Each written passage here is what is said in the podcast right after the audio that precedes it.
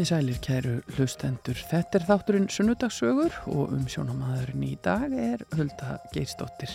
Fréttinnar að baki og komin tímin til að fá til okkar góðan gest í spjallum lífið og tilvöruna og hann er einmitt að koma sér fyrir hérna hjá mér. Segj ykkur nánar af því eftir augnablík hver gestur dagsins er. Erfið vika að baki að mörgu leiti, náttúru hamfarir og vond veður en við vonumst eftir betri tíð með blóm í haga og nú stittist í páska og svo við þetta vorið framundan.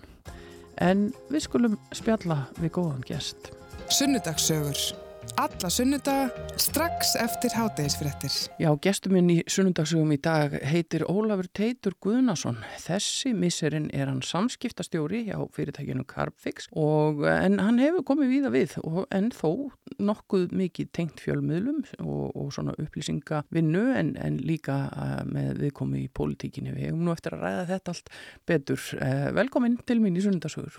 Kæra þakk. Við byrjum á byrjunni eins og við gerum nú alltaf. Uh, hvaðan kemur Ólafur Teitur Guðnason? Ég er fættur í Reykjavík og ólst upp fyrstu sex árin í Kópavogi. Fóreldrar mínu voru, ég er elsta barn fóreldrar mína og þau voru í námi við Háskóla Íslands og uh, svo þegar ég var sex ára þá ákvað pappið að fara í framhaldsnámi í Guðfræði í Þískalandi, í Bæjan borg sem heitir Erlangen og er nálat Nürnberg Já, já. og við byggum þar í tvö ár þannig að 6 til 8 ára var ég í Þýskalandi Og mannstu eftir þessum tíma?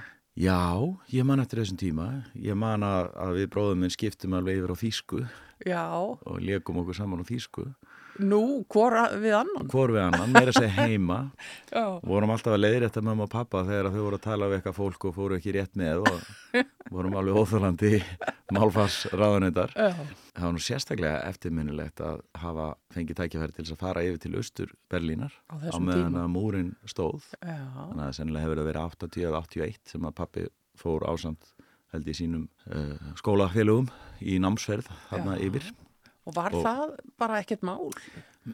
Ég þekki nú ekki alveg sko skipulaðið á því en Nei. fyrir mig 7-8 ára var það tölvert mál man ég að fara yfir landamærin Já. því að uh, maður skinnjaði sem krakki strax að það var einhver önnu stemming Já. að taka við. Vopnaður verðir þungir á brún, leitandi og gramsandi í öllum töskum, einn úr hópnum var tekin afsýðis út af einhverju sem ég veit ekki hvað er og kom ekki fyrir setna sko. Þannig að maður skinnjaði að það var eitthvað mjög Já. ókveikjandi og einkennlegt andrúsloft. Það er svona, það situr aðeins í mér og það er til myndir svona frá þessum tíma þessum við erum að skoða múrin og eitthvað. Já, þetta er nú magnað að eiga í, í dag. Já.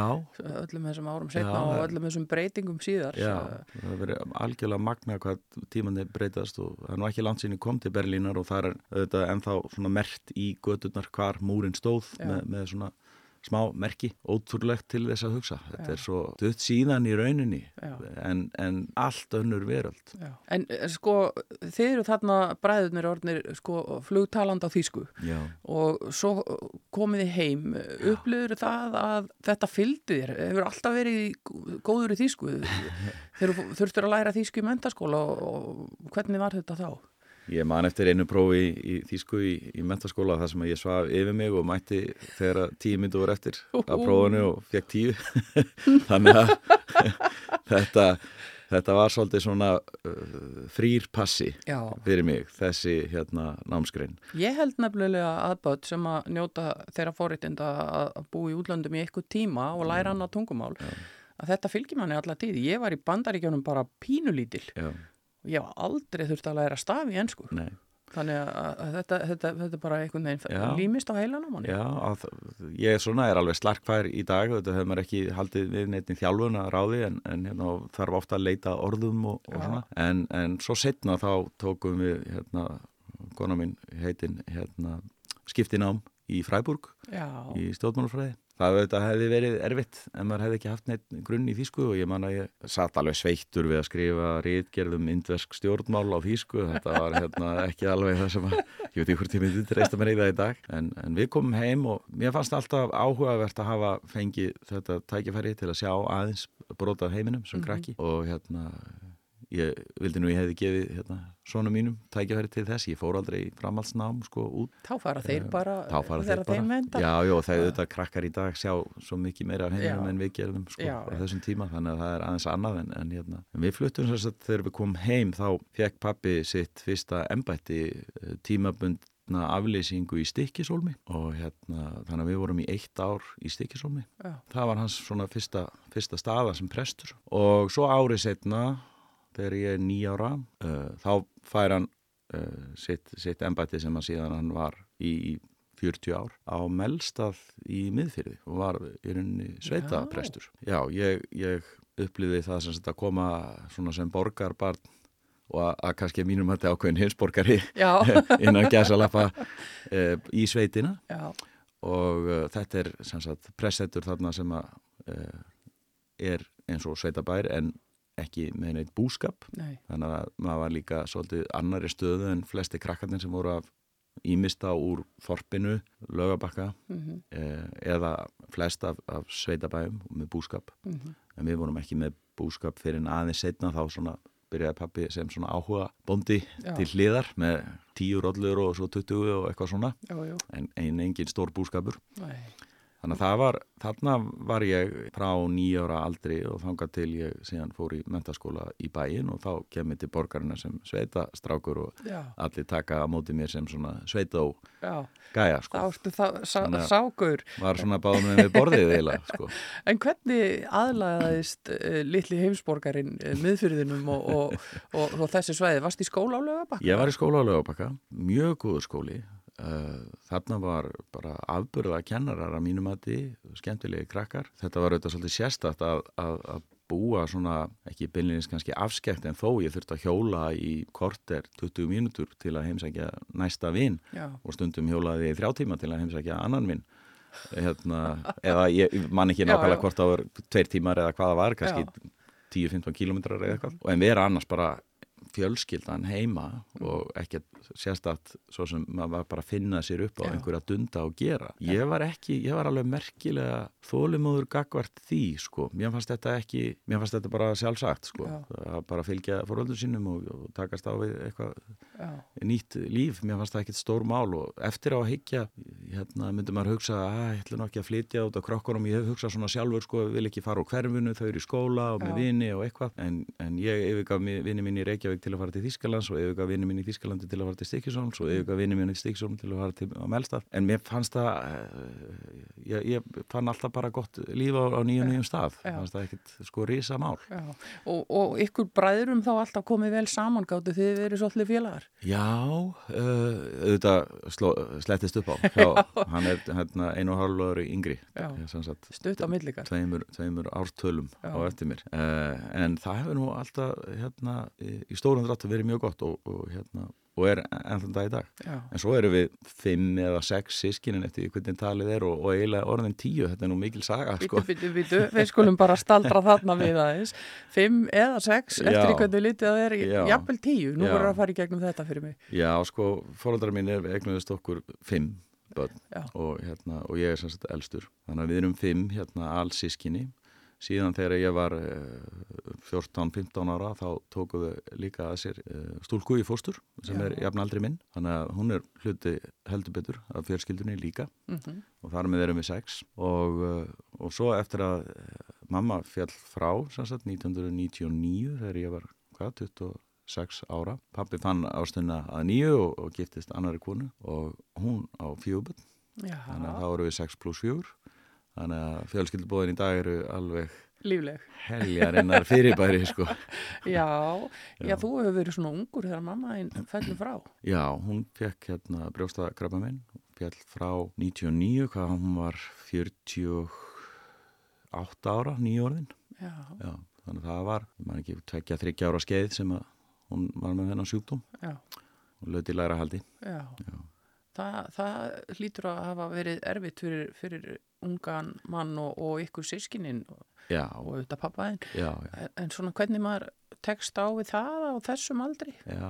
Ég, hérna, það er, var nú misjamt, sko, í, í- fjölskyldunni held ég svona hvernig við tókumst á við þetta. Það er kannski sem litið erfiðara fyrir yngri sískinin, Já, þó að það sé, ætla ekki að gefa skynna þessi öðvöld fyrir neitt ég, hérna á þessum tíma var maður er svona á staði í, í lífinu þar sem við vorum nýbúin að kaupa okkur íbúð akkurát á þessum tíma hérna, uh, vorum að eignast okkar fyrsta barn örfá mánuðum síðar Mhm. og uh, í nýri vinnu hér á Ríkistúðþorfinu Já, og bara mikið að gera svona eftir að higgja fannst mér ég nú kannski ekki að staldra nægilega mikið við þetta heldur svona Mhm. daldi bara kyrta áfram sko já, það er kannski einhvers konar varnar viðbröð líka bara að hafa nóg að gera og bara trukkast áfram. Já, það er, er alveg þekkt að sum okkar takast á við hlutina með þeim hætti hérna, en hvort að það er best eða ekki hérna, skal ég ekki segja til um það Nei. er örgulega misjamt sko og það er nú eitt af því sem að maður er aðeins velt fyrir sér að það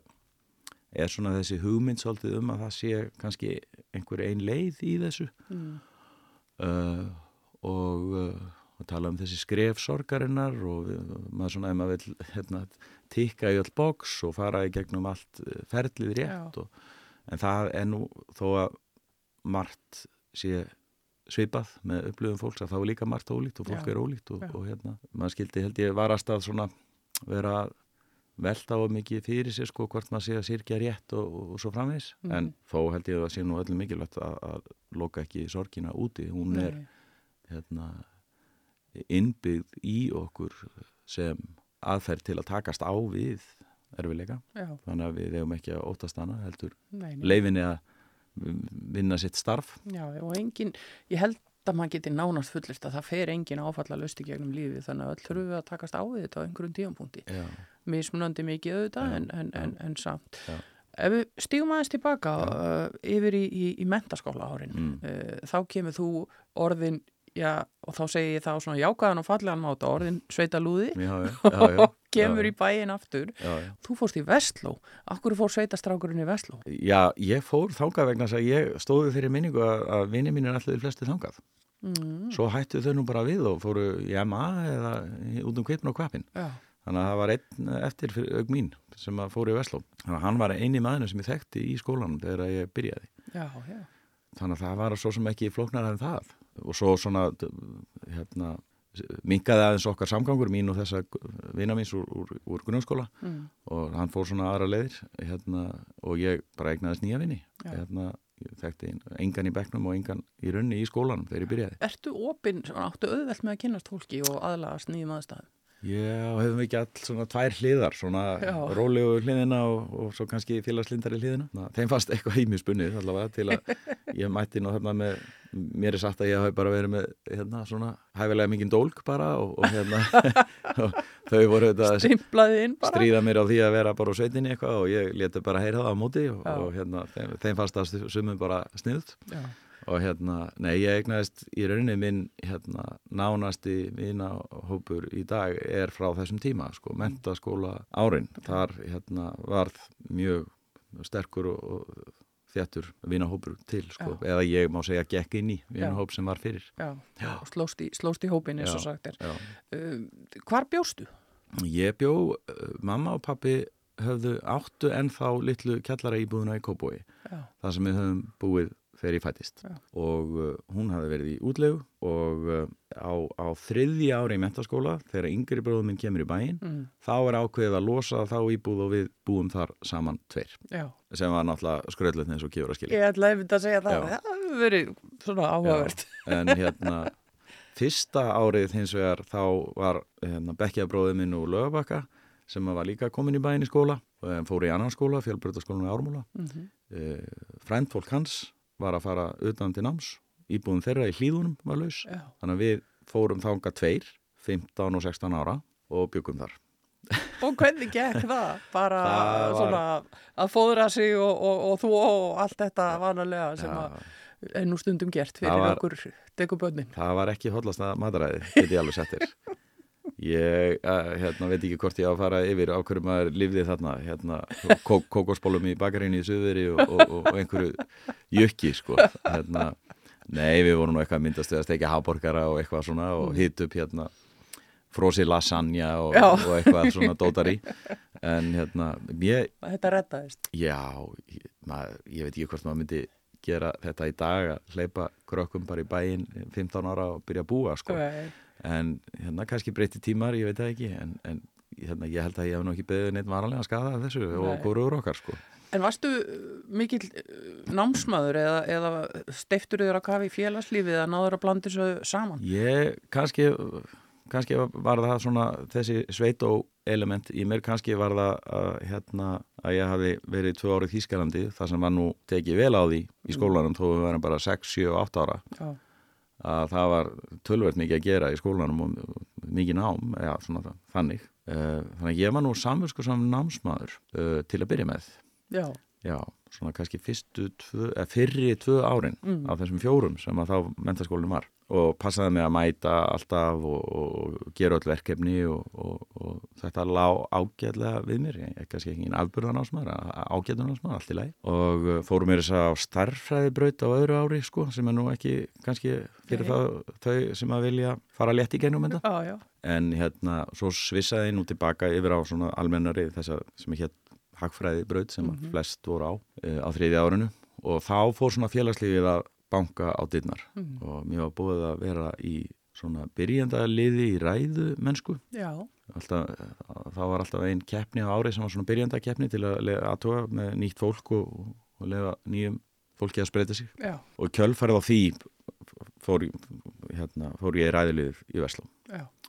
og það hérna tekur tíma Já. að undirbúa ræðakefni Og, Og þeir þá- eru í, Morfís auðvitað sem er stóra verkefnið Já, já. og, og, og það svona hérna var, var sér fyllt meiri fókus á það og, og loka árinu var ég formaður málfundafélagsins sem þetta annaðist þessar ræðakefnir og, og, og fleiri svona málfundi og þess að já.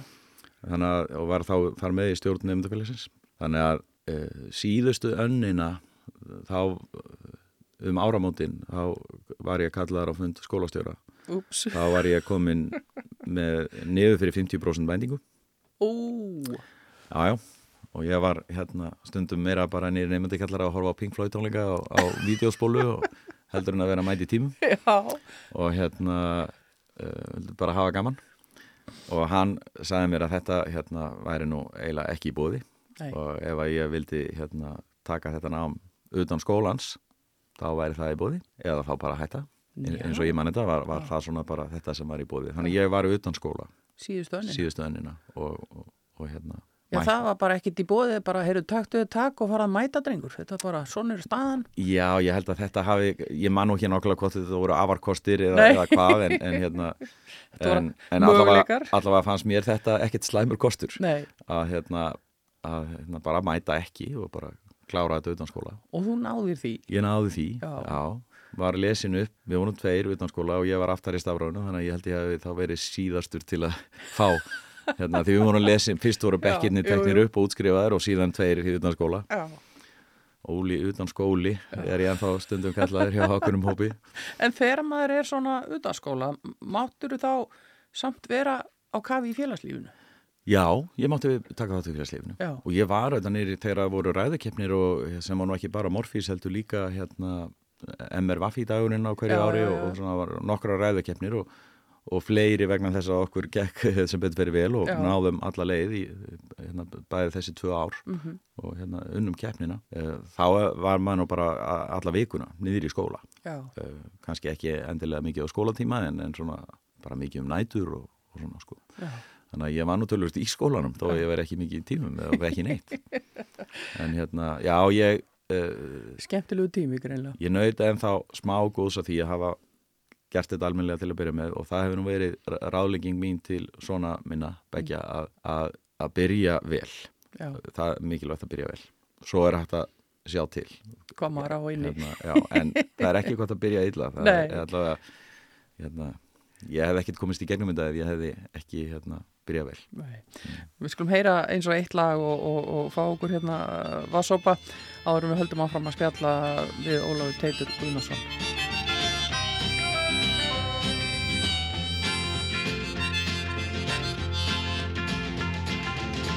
The undertaker sighs, the lonesome organ grinder cries, the silver saxophones say I should refuse you.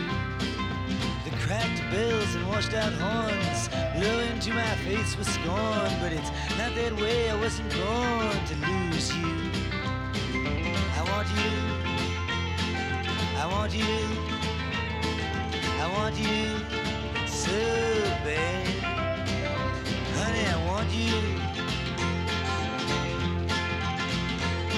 The drunken politician leaps upon the street where mothers weep and the saviors who are fast asleep, they wait for you.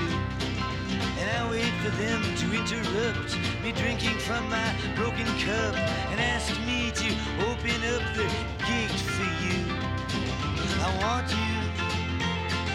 I want you. Yes, I want you so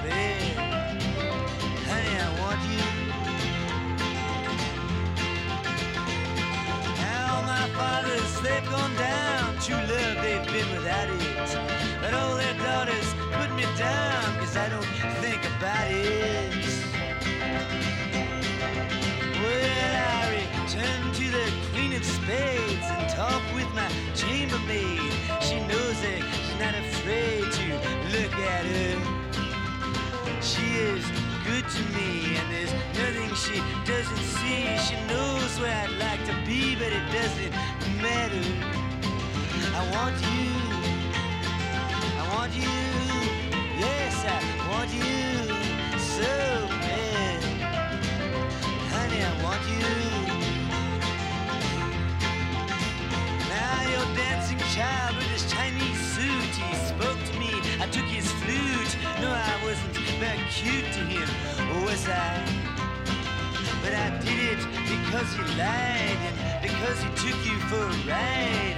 Uh, because time is on his side and because I want you. I want you. Yes, I want you so bad.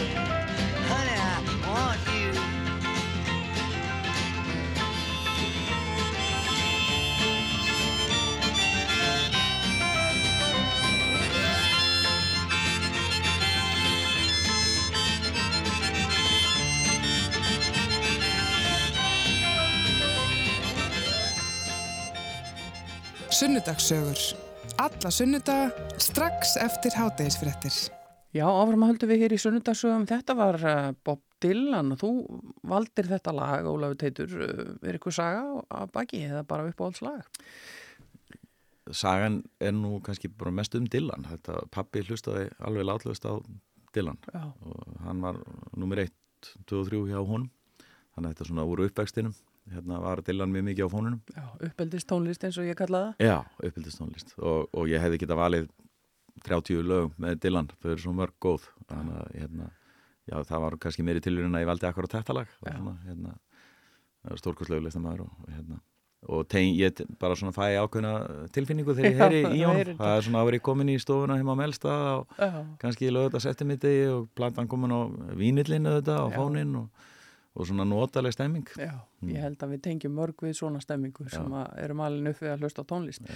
En við vorum að ræða hérna uppvöxtin áðan og, og um, mentaskóla árin og, og erum komin uh, svona kannski, já það inn í, inn í fullorins árin getur við sagt. Hva, þú ert orðin stúdent úr Vestló og, og búin að taka á í félagslífinu. Hva, hvað tók við? Fóstu áframhaldandi nám eða fóstu svona í lífsninsskóla í eitthvað tíma? Nei, ég fór bara beint áfram í nám.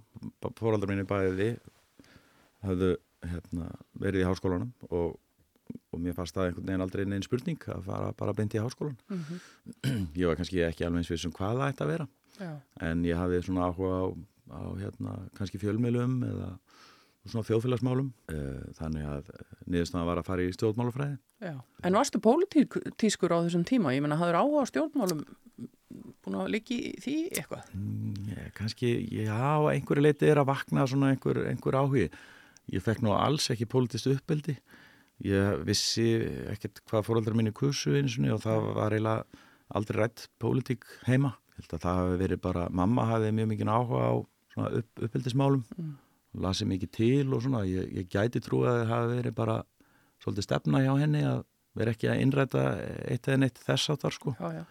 Og kannski hefur spilað henni pappi var prestur og vildi ekkit að við værum eitthvað að gasa í skólanum um einhverjar skoðanir eða eitthvað þess að það gæti líka verið. Já, og svo var svona prívat element í okkar uppeldi líka bara svona já, að hérna Þú eru ekki allir að vita allt um okkur? Nei, nei, akkurat svolítið þannig kannski og, og við ekki um aðra, þú veist, ekki mikið slúðrað eða bara Nei, ekki neitt nei. og við vorum ofta alveg grunlausum eitthvað slúður sem var í gangi í sveitinni af því það var ekkert verið að ræða það, heldur bara einhver önnum mál. Þú eru að pæli því? En hérna, nei, nei, svo bara eins og gerist örglega hjá mörgum að það svona verður einhver hérna áhugi á því hvernig er rétt að haga málum, sko, hérna í þjóðfélaginu. Ég var hérna í vinahópi sem að uh, hallaðist tölvast mikið til hægri Mm. og svona frjálsíkju það var svona frjálsíkju bylgja Já, hérna, sem við kalla kannski byltingu jáfnvel, eða allavega bylgja svona á þessum árum. Það var svona stemming svolítið þar uh, og uh, áhugaverðar hugmyndir fannst okkur.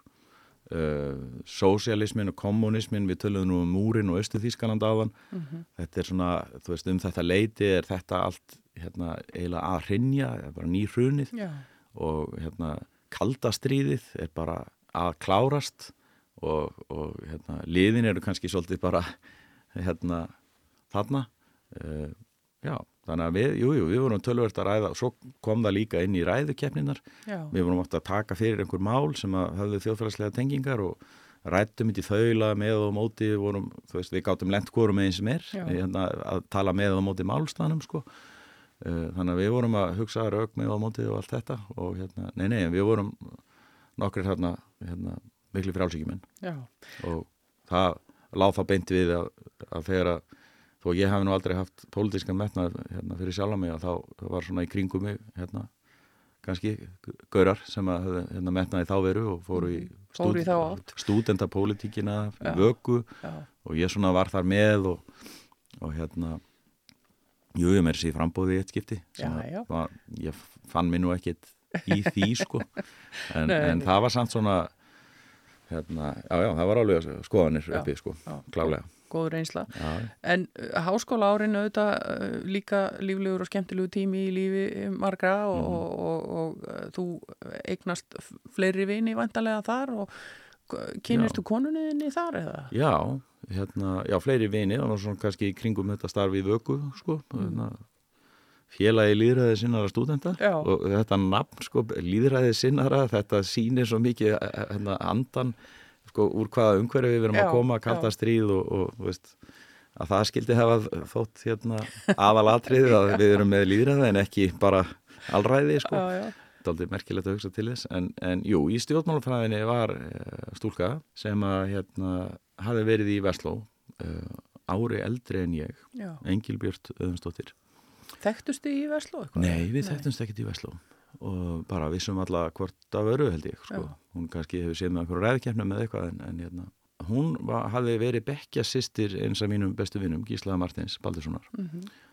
sem að var í stjórnmálfræðinni með mér líka og hún var þarna komin í stjórnmálfræðina hafði byrjað í mannfræði en hætt þar og skipt yfir og var þar með orðin sko samferða mér Mm.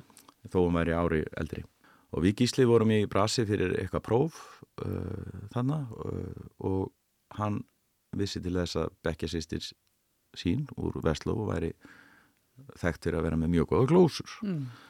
og uh, þannig að hann sagði við fáum glósur hjá Engilbjörtu og þetta verður ekkert mál þannig að við fórum tveir saman heim til hennar þar sem hún bjó hjá fóröldum sínum Mm.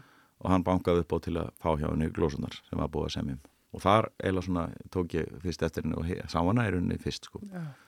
og hérna, Var það ástuð fyrstu sín? já það var, það var, það var ást við fyrstu sín eða, eða allavega skot við fyrstu sín Já, hérna, opbóðslega hérna, hún hétt nú Engil Björt og mjög mikil byrta yfir Já. henni, mjög brósmild og mjög smyndandi hlátur og, og hérna, skemmtileg. Uh, þannig að ég fór svona að, gera hósa mína grænar aðeins í kjálfarið, við svona vorum í þessum kreðsum kannski daldið saman, hún kom í vökupartíin og, og var með okkur hann í stjórnmálfræðinni og svona.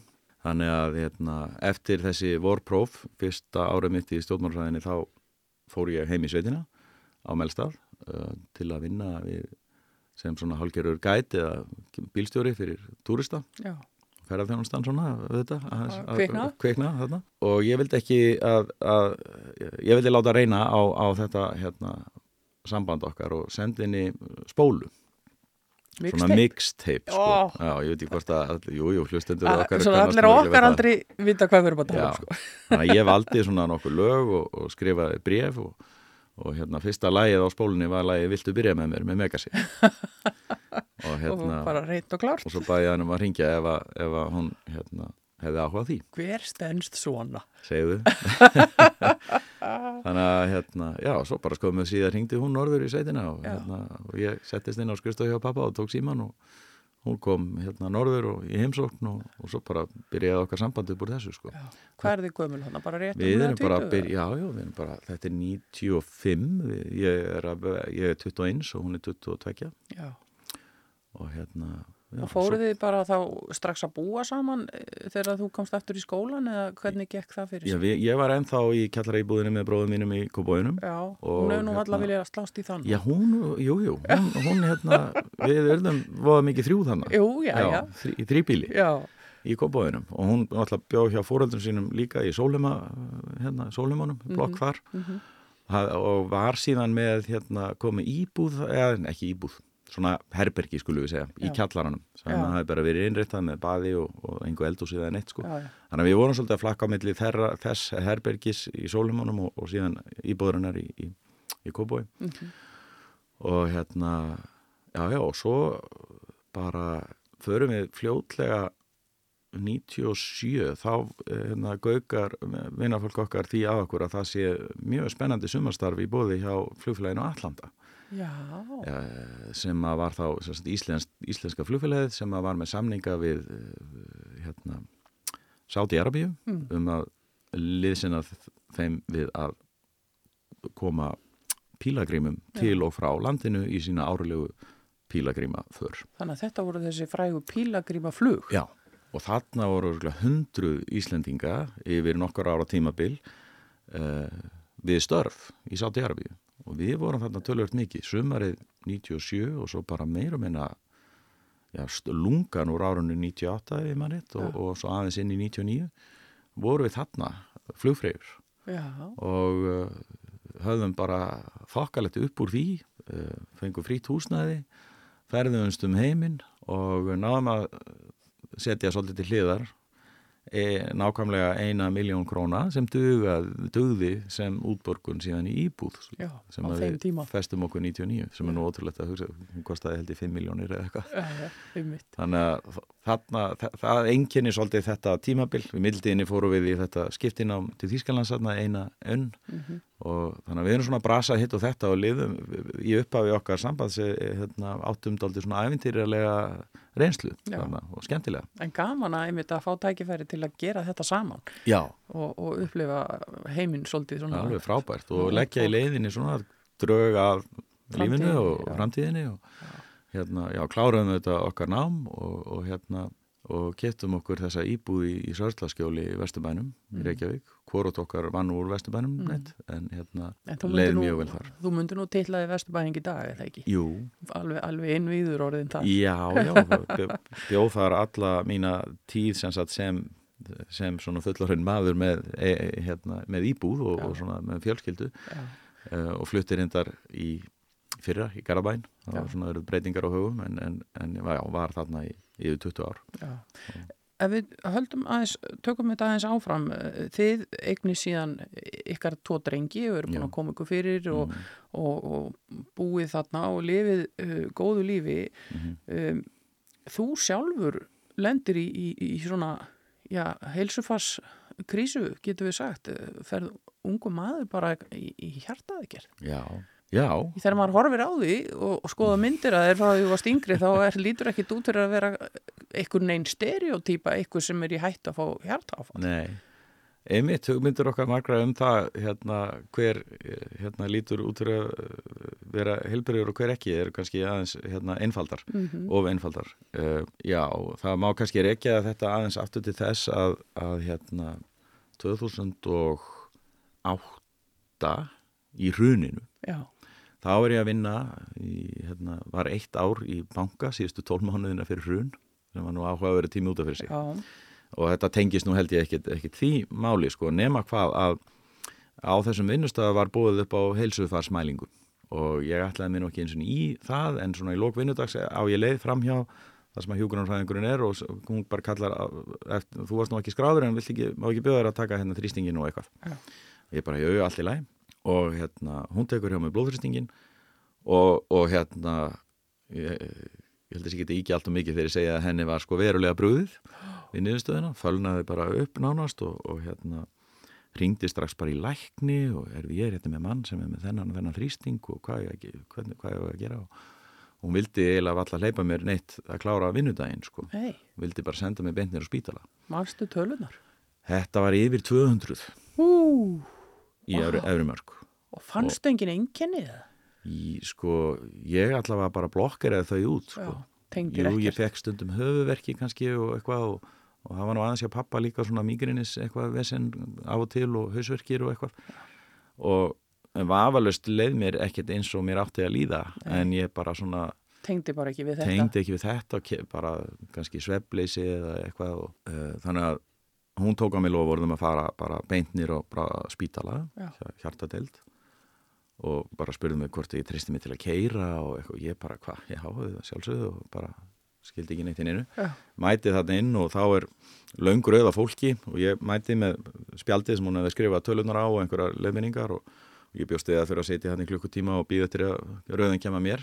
Bara tvei mínútu setna er bara að kalla Ólafi Teitur, gjör svo vel að koma þannig að það var svona aðeins hérna, ups, það er eitthvað ekki nógu gott. Þannig að, já, niðurstaðan var bara svo, ég var með alveg sjúklegan háþrýsting, hafa allt og háan blóðþrýsting sem að, hérna, maður veit núna að er þetta bara stór hættulegt Mhm. en þetta er svona eitt af því sem að maður hefur kannski meira verið bara allavega mínu upplifum var að þetta væri meira svona gert grína þessu, passaði þrýstingin og já, en menn voru eitthvað æstir að þá svona heyrðu sprautaði niður og Já, ró, já. róaði þrýstingin og Erstu búin að taka pillunar? tattu pillunar og Já. eitthvað svona djók eins og þetta sé bara meira svona maður sé eitthvað svona stressaður eða eitthvað þess að þar sko en, en nei, þetta er hérna getur verið fögull, bani sko og uh, eigðilegur æðarnar í fólki eða getur gert það Já, og ég var þarna alveg að, að, í einhverju skilningi að sprengja alla skala sko, með það, að hafa hugmyndum það þannig ég var settur í, í bara meðferð hjá hjartalegni og bara fór á lif og lækka þrýstingin og, og svo fimm árum eftir þetta uh, þá finn ég til til að fer ég að finna fyrir bara óþægindum við öndun og, og mér fannst það að vera eins og bara svona sviði við, við hérna öndun sko, og svona einhver mæði Mhm. og mín ágiskun var þetta að, væri, að ég væri að þróa með mér hérna einhvers konar asma eða þess að því að Já. þetta var ekki hjartverkur nei, og það finnst mér daldið merkilegt það var ekki, engin verkur í hjartanu Nei. en það var svona meira, fannst mér í öndunaveginum já, og hérna svona Já. upp, hérna, Já. mi, svona mitt brjóstið mitt brjóstið sko og, og þannig að ég hugsa bara einmitt, ég reykti náttúrulega og hérna, ekkert náttúrulega það er ekkert náttúrulegt við það. Nei, nei, en hérna, já, já, ég var, var í því og hafði gert alveg frá unga aldrei, sko. Já, þannig að svona þessi asma hugmyndi eða, eða jáfnvel bara lúnakrabba meina eða eitthvað, þetta er eitthvað, þetta er svona smá mæði og var þetta bara aldrei hrættur og þetta svona ágerðist á tveim, treim vikum, sko og, og svo þarna ein áramótin það var nú eiginlega það, það var þetta orðið eitthvað akút greinilega því að ég bara gæti ekki lappað frá áramótabrennunni niður á æðisíðu og heimtímin hvað 200-300 metra á jafnsléttu Ú, eh, án þess að bara kvíla mig á leiðinni sko. já, og þá bara þú veist, tríntíðinu í lækninu bara sagði "Heyrðu, það er eitthvað, ég er bara eitthvað miklu vandræðum hérna. Já, þannig að hann hérna bað mig að prófa svona væga útgáfa af sprengitöflum sko, því að hann, hérna, ég komst ekki til hans alveg strax. Og hann sagði ef að það slæra á þetta þá gruna mig hvað þetta er. Mhm, og það gerði það. Og í kjölfærið fór ég síðan í svona álagspróf þar sem að hjartalínur þetta tekið með nýra hjóla á hjóli og hann bara stoppaði mig mjög fljótt af og sagði, heyrðu, þetta er bara gott. Er og, og, og bara mjög fljótt hérna var ég bara sendur inn á spítala og í, í, í þræðingu til að mynda kransaðarnar Mhm, og þá kom í ljós að tvær af þremur aðal kransaðarnar voru 100% stíplaðar Já, og svo þriðja kom byrjuð að mynda stíplu líka. Uh, og ég, ég man að þegar ég vaknaði úr svæfingunni eða svona mókinu skulum við Já, segja já. það, sem að maður er nú settur í þegar maður er þrættur mhm, að það var bara svipur á fólki sko. þannig að þessi er nú bara ekki góðum málum sko. þannig að ég var ekki hleyft út af þessum spítala og, og var settur í bara hérna, ákveðið að- fara í hjáveitu aðgerð Já. viku setna og ég var á spítalunum uh, fram að því Já. inni bara. Og þetta, það er, þetta er stór aðgerð, það, það er bara já. brotið upp á þeir brjóstólið og Þetta er opinn hjartað að gerð og hjartað stöðvað og teknar æðar hér og þar úr líkamannum, aðalega á fótunum og, og hérna, til þess að veita blóðflæðinu fram hjá stíplunni, hjá veita. Já, þetta er svona og vetraveitni sem við þekkjum þar sem hún tekur krók fram hjá skablinum og Og- hérna, þetta var sérst fimmföld hjá veita að gerð, ég held að það sé ekkit gert meira. Vá, uh, þannig að það, ég auðvitað uh, var 40 ára gamall og átti hérna vonandi dálítið langt líf fyrir höndum þannig að ég held að hugsunum hafi nú verið svo að þetta þyrfti nú að dögu eitthvað sko já. Varstu, varstu hrættur, þetta hefur náttúrulega verið áfall, en, en varstu hrættur? Nei, já, sko ég, í rauninni fann ég ekki fyrir einhverjum ofsarhæslu sko, Nei. auðvitað bara mjög áhyggjuföllur og slegin Mm. eh, en hérna en, en, en ég fann ekki fyrir ofsarhæslu sko, en ég var nervus fyrir aðgerina, jú. Já. bara, ég var ekkert að googla hérna líkunar á því að þetta myndi ganga upp Nei. eða ekki eða eitthvað þess að það en, en þó þetta er uh, auðvitað aðgerð sem er bara framkvæmt marg oft og gengur oftast vel sko og hérna en maður það bara að hugsa hérna betur um sig í, í kjölfarið og maður svona Þú eru hætt að reykja? reynir það, ég, löngunin bara það var svo merkilegt, hún gufaði upp Já, þannig að þú þurftir ekki að berjast einhvern veginn í því, það bara, Það- ok, þetta er það- búið. hún bara hvarf. Vá, það er merkilegt, ég hafði valla reynd að hætta því að ég sá það ekki fyrir mér bara gerast. Já, en, uh, en þarna bara var eins og ég hefði aldrei reykt og bara, mér langaði ekki vitund í og hérna, mér var þetta alveg stórmerkilegt og þau voru nú á spítalunum, má ekki bjóða þeir bara plástræði að tekja og eitthvað, við viljum ekki og setja að fara einhver frákvör finna, Já. sko og einhver svitaköst eða eitthvað, það er ekki tolt fyrir þig, sko nei, nei, bara, nei takk ég verði en, engan áhuga á því og bara Þetta fann ekki fyrir komið. neinni lungun vá, svo, svo hérna nokkur mánu setna að fór nú alltaf hliðina í þeim málum en, en hann er önnur, önnur saga já, já, já, já, já. Við, við, við geymum þá sögu, sleppum henni, en, en aðgerðin hefur tekist vel. Já, og- hún tókst og- bara vel og ég er bara hérna, hraustur Já, og þú finnur Til- ekki fyrir neinu í dag. Nei, ég finn ekki fyrir neinu, ég er Já. bara í eftirliti og fylgist með þrýstingnum og er svona verið að justera hérna hvaða lið maður tekur og, Já. og, og, og þannig. Já, En- og kannski svona mikilvæg skilabóð þarna út til hlustenda með þetta eins og þú nefnir, sko, hárblóðhristingur er stór hættulegur Já. og það er mun betra að fara til læknis og fara á lif Já. og láta meðhandla þetta heldur en að, að, að halda maður bara geti uh, komist í gegnum þetta, þetta, þetta skemmir á Þetta meðan skemmir. þetta er í gangi. Þetta skemmir, þetta, nú er ég engin læknir en, en þetta já, bara eiðilegur æðaveggina sem að getur valdið því að það sapnast upp í þeim hérna, bólgur og, og, og, og stíblur og, vesinn, sko. Þannig að það er bara alls ekki gott að lifa með þessu, sko. Nei. Við skulum henda okkur í eins og eitt annað lag svona eftir, eftir, eftir þetta allt saman. Það er meir en að segja að, að, að fara í gegnum svona lífsreynslu.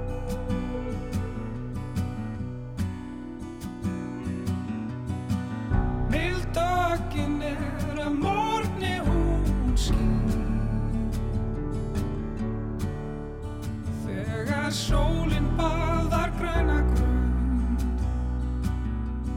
Gefur okkur dýrðar stund Bætir heim og léttir lund.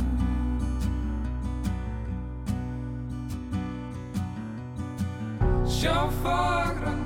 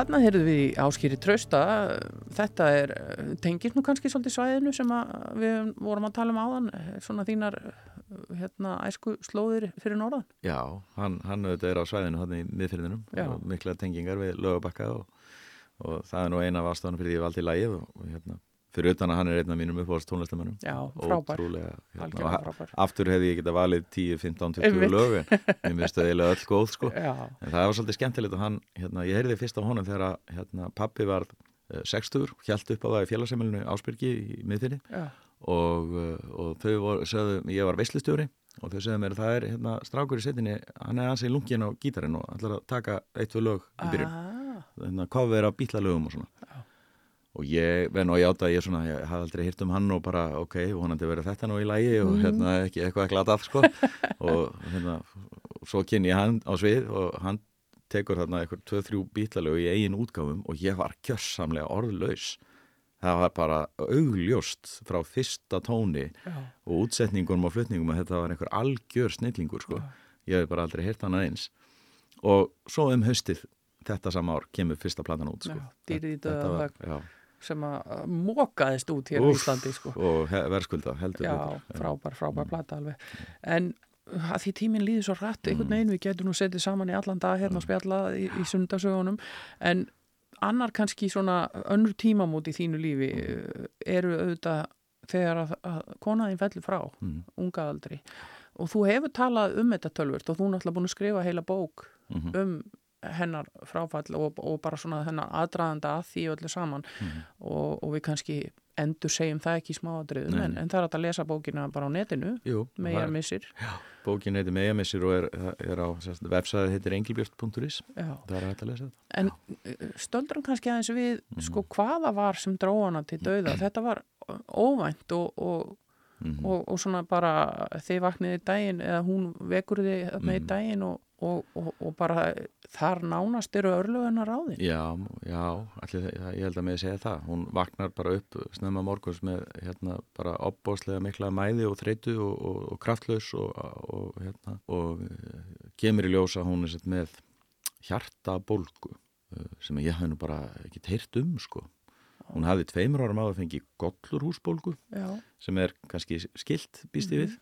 Uh, sem að þrengir þá að hjartanu og, og svona gerir hjartanu erfiðar að slá. Já, Gollurhúsi er umlikur hjarta umlikur Já, hjartað og það myndast þá bara svona óeðlega mikið vökvi þar og fyrir að þrengja hjartanu. Já, og, það var svolítið skuggalegt sko þarna tveimur árum áður en, en það tókst að hemja það Já. og, hún jafnaði sig á því á no- nokkrum mánuðum. Uh, síkingin hérna fór en, og þetta lísti sér svipað uh, en var sérst greint þá sem sérst ekki gollurúsbólga heldur, heldur hjartabólga. Já, og á bara hvað, einum, tveimur dögum er bara tekjum svo ákvörðin að henni bara rakar, rakar, rakar og það er reynd að gera alls konar flóknar aðgerir kominni í rauninni svona létta hérna, hjartapumpu vél. Sem að þá hérna, létta hluta af álægi hjartans og sjá um ringrásina, blóðrásina. Mhm, af því að hjarta bara veiktist og veiktist og veiktist og var bara síkt og var bara hætta að virka mhm. uh, hérna, þannig að það var ákveðið að senda hana bara með snatri með sjúkraflugvill til Gautaborgar til Svíþjóðar meðal annars til að hafa þann kost upp í erminni að, að hún gæti þurft hjarta ígræslu uh, af því að það veri ekki ljóst með hvort að hjarta myndi ná sér þó að Mhm. það veri ennþá vonum það sko. þannig að hún hérna, er lögðinn á hjarta gjörgæslu á salgrænska sjúkrahúsinu í Gautaborg og ég fór út með yngri sinni okkar, sá eldri var í skólaferðalagi í Belgíu.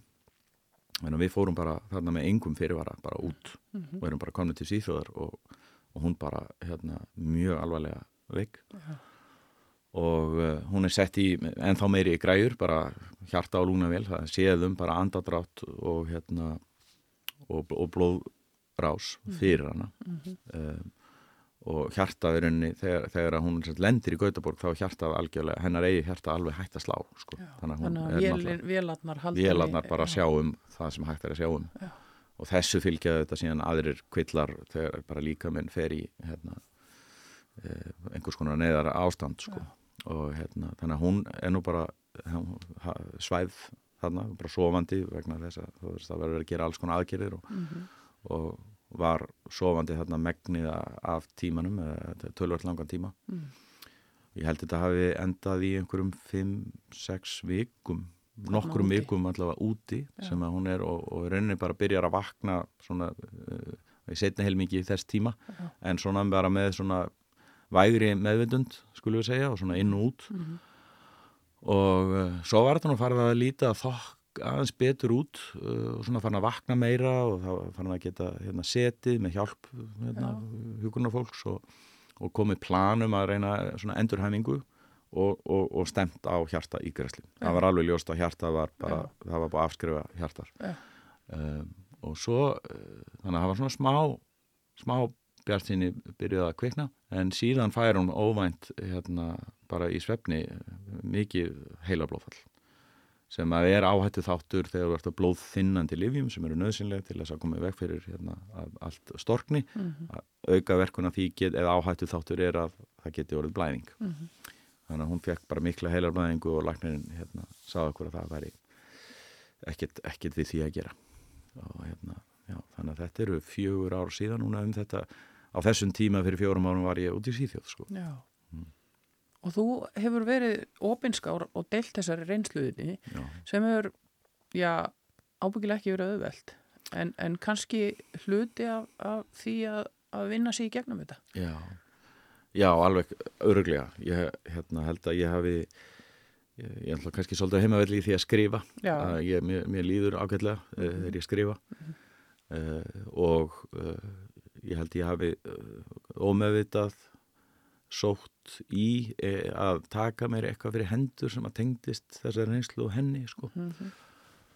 ég saði sjálfur mér að hafa lástaðan væri bara að, að skrásetja þetta gleimis ekki mm -hmm. upplýsa kannski vini og fjölskyldu betur hvað hafi gerst uh, líka að deila svona ymsum pælingum um sorg og sorgar viðbröð sem að ég hafi verið spurningar sem ég hafi verið að spyrja sjálfur mig og mér fannst kannski áhugavert að deila með fleirum mm -hmm.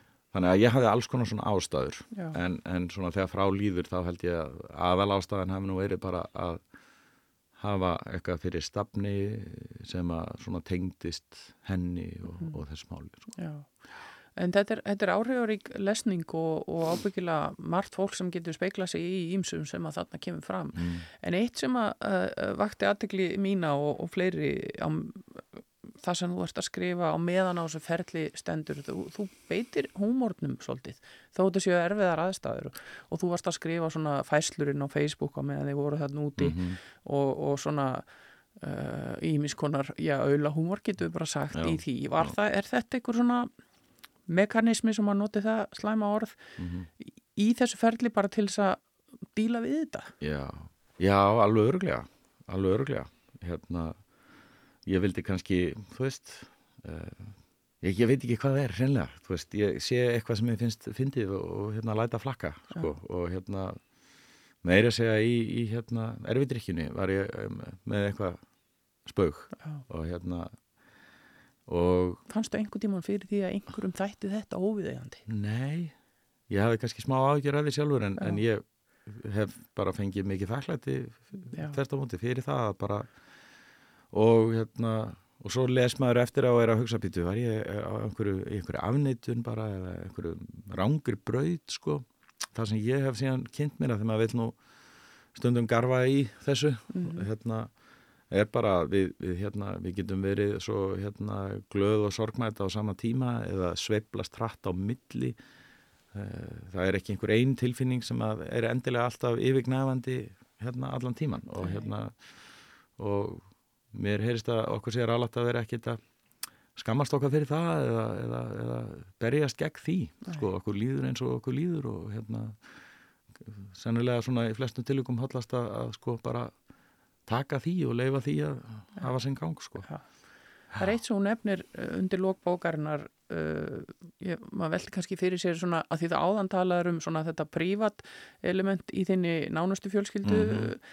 en þú tala líka um í, í bókinni um um ömmuðina í Vestmanni já, sem að lendir í, í Vesmanegagósinu sem var auðvitað stóra áfall fyrir íbúa þar mhm, og hvernig hún tæklaði það með húmor já, heldur þetta sé aðeins í blóðinu? það er ekki dólíklegt. Það er öruglega einhver svona gen úr, úr, úr eigum og hérna, þau eru að tala við bladamann og sína honum myndir af hérna, húsinu skýðlogandi og, og hún segir við bladamannin, sjáðu hvað það logar vel í nýju eldursinnendingunni.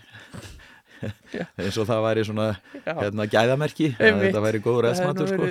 fínasta innrýting en hún, Já. hún og, og þau hafa þá verið uh, átt hús þarna austanmegin á Já, inni þau eh, áttu hús þarna á Kirkjubæ eh, hérna, rétt fyrir utan svona sjálft Vestmenniða þorpið sem að var og mamma var alin upp í því húsi sem var fyrsta húsi sem fór undir hraunið Já. þannig að það er þarna nokkrum tugum metra undir undir hérna hrauninu sko Já.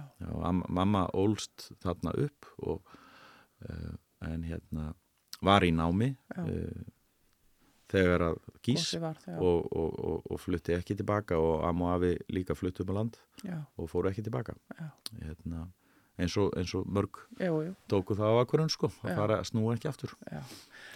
Það eru fjögur ár síðan að Engil Björn dó mm -hmm. og uh, þú átt tvo drengi og þið. mhm. Um, hvernig hefur gengið að- bara takast á við lífið í þessum breyttu aðstæðum og, og einhvern veginn að halda áfram? það hefur bara gengið merkilega vel. Maður hefur hérna fyrst og fremst áhyggjur af bönnunum sínum sko. Mm, uh, og það var erfitt að þetta gerðist hérna þegar ég var úti en þeir heima.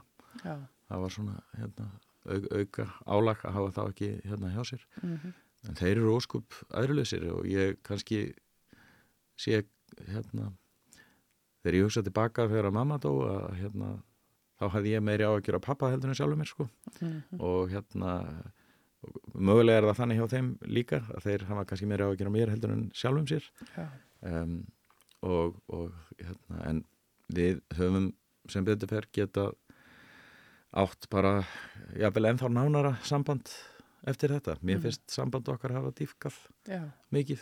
Uh, mér finnst ánægilegt að sjá líka hvað þeirra samband er gott já, þeirra á milli og, og það er svona gerast um þetta leiti það að það er sex ára aldursmunur á milli þeirra Já. og á tímabili er það mikill munur annar er unglingur og hinn bann en, en um þetta leiti eru þeir báðir að verða svona ungi menn Mhm. og hérna e, þannig að þeir hérna, þeim gengur vel og hérna sá yngri halnaði með Vestló og sá eldri byrjar að vinna sem grafískur hönnuður útskrifaður úr Já. listafaskólanum og þannig að þeir eru á, hérna, góðum stað já, sko. Já. það er gott. Þú sagðir mér frá því á þann að þegar mamma þín dó að, að, pappiðin hefði fundið ástina nýju. mm Þannig að þú þekki það að lífið er ekki búið og, og, og það getur verið mjög erfitt oft fyrir eftirlífandi börn og, Mhm. og, og jafnvel sískin og það er það sem tengjast að, að Mhm. hugsa það og hugsun einhvern veginn til enda að það kom einhver nýr Mhm. inn í fjölskylduna.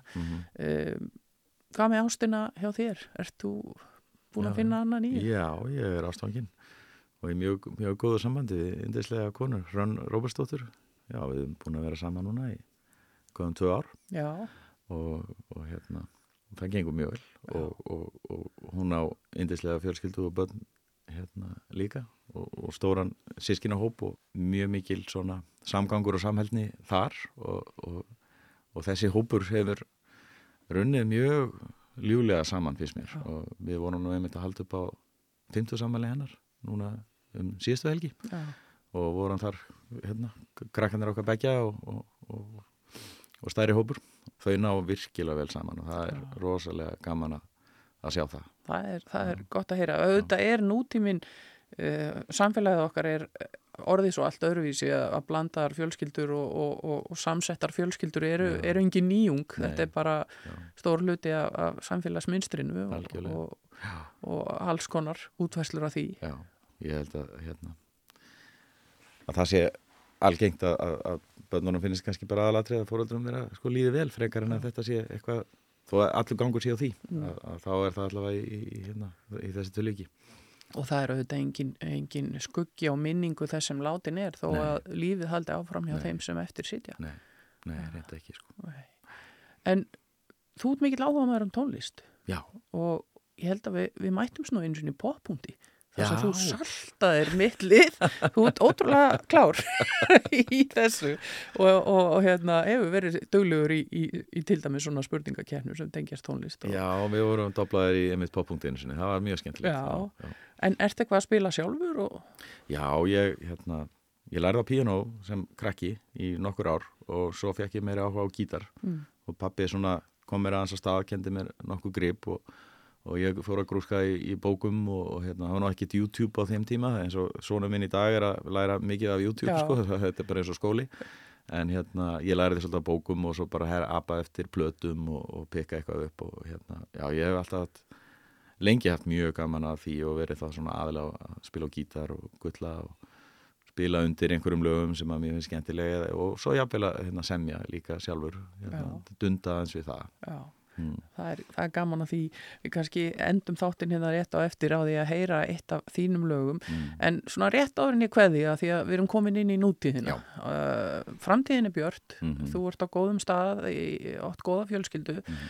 Nýjasta starfið, þú er búin að koma nokkuð víða við í störfum, uh, þú komst í, í blöðin Já, fyrir nokkrum dögum já, þar sem að þú varst gaggrindur fyrir skoðanir sem þú settir fram fyrir nokkrum árum síðan já. svona uh, má maður ekki skipt um skoðun eða svona hver eru þín viðbröð við þessu þannig að vera að ræða lofslagsmálin Já, já.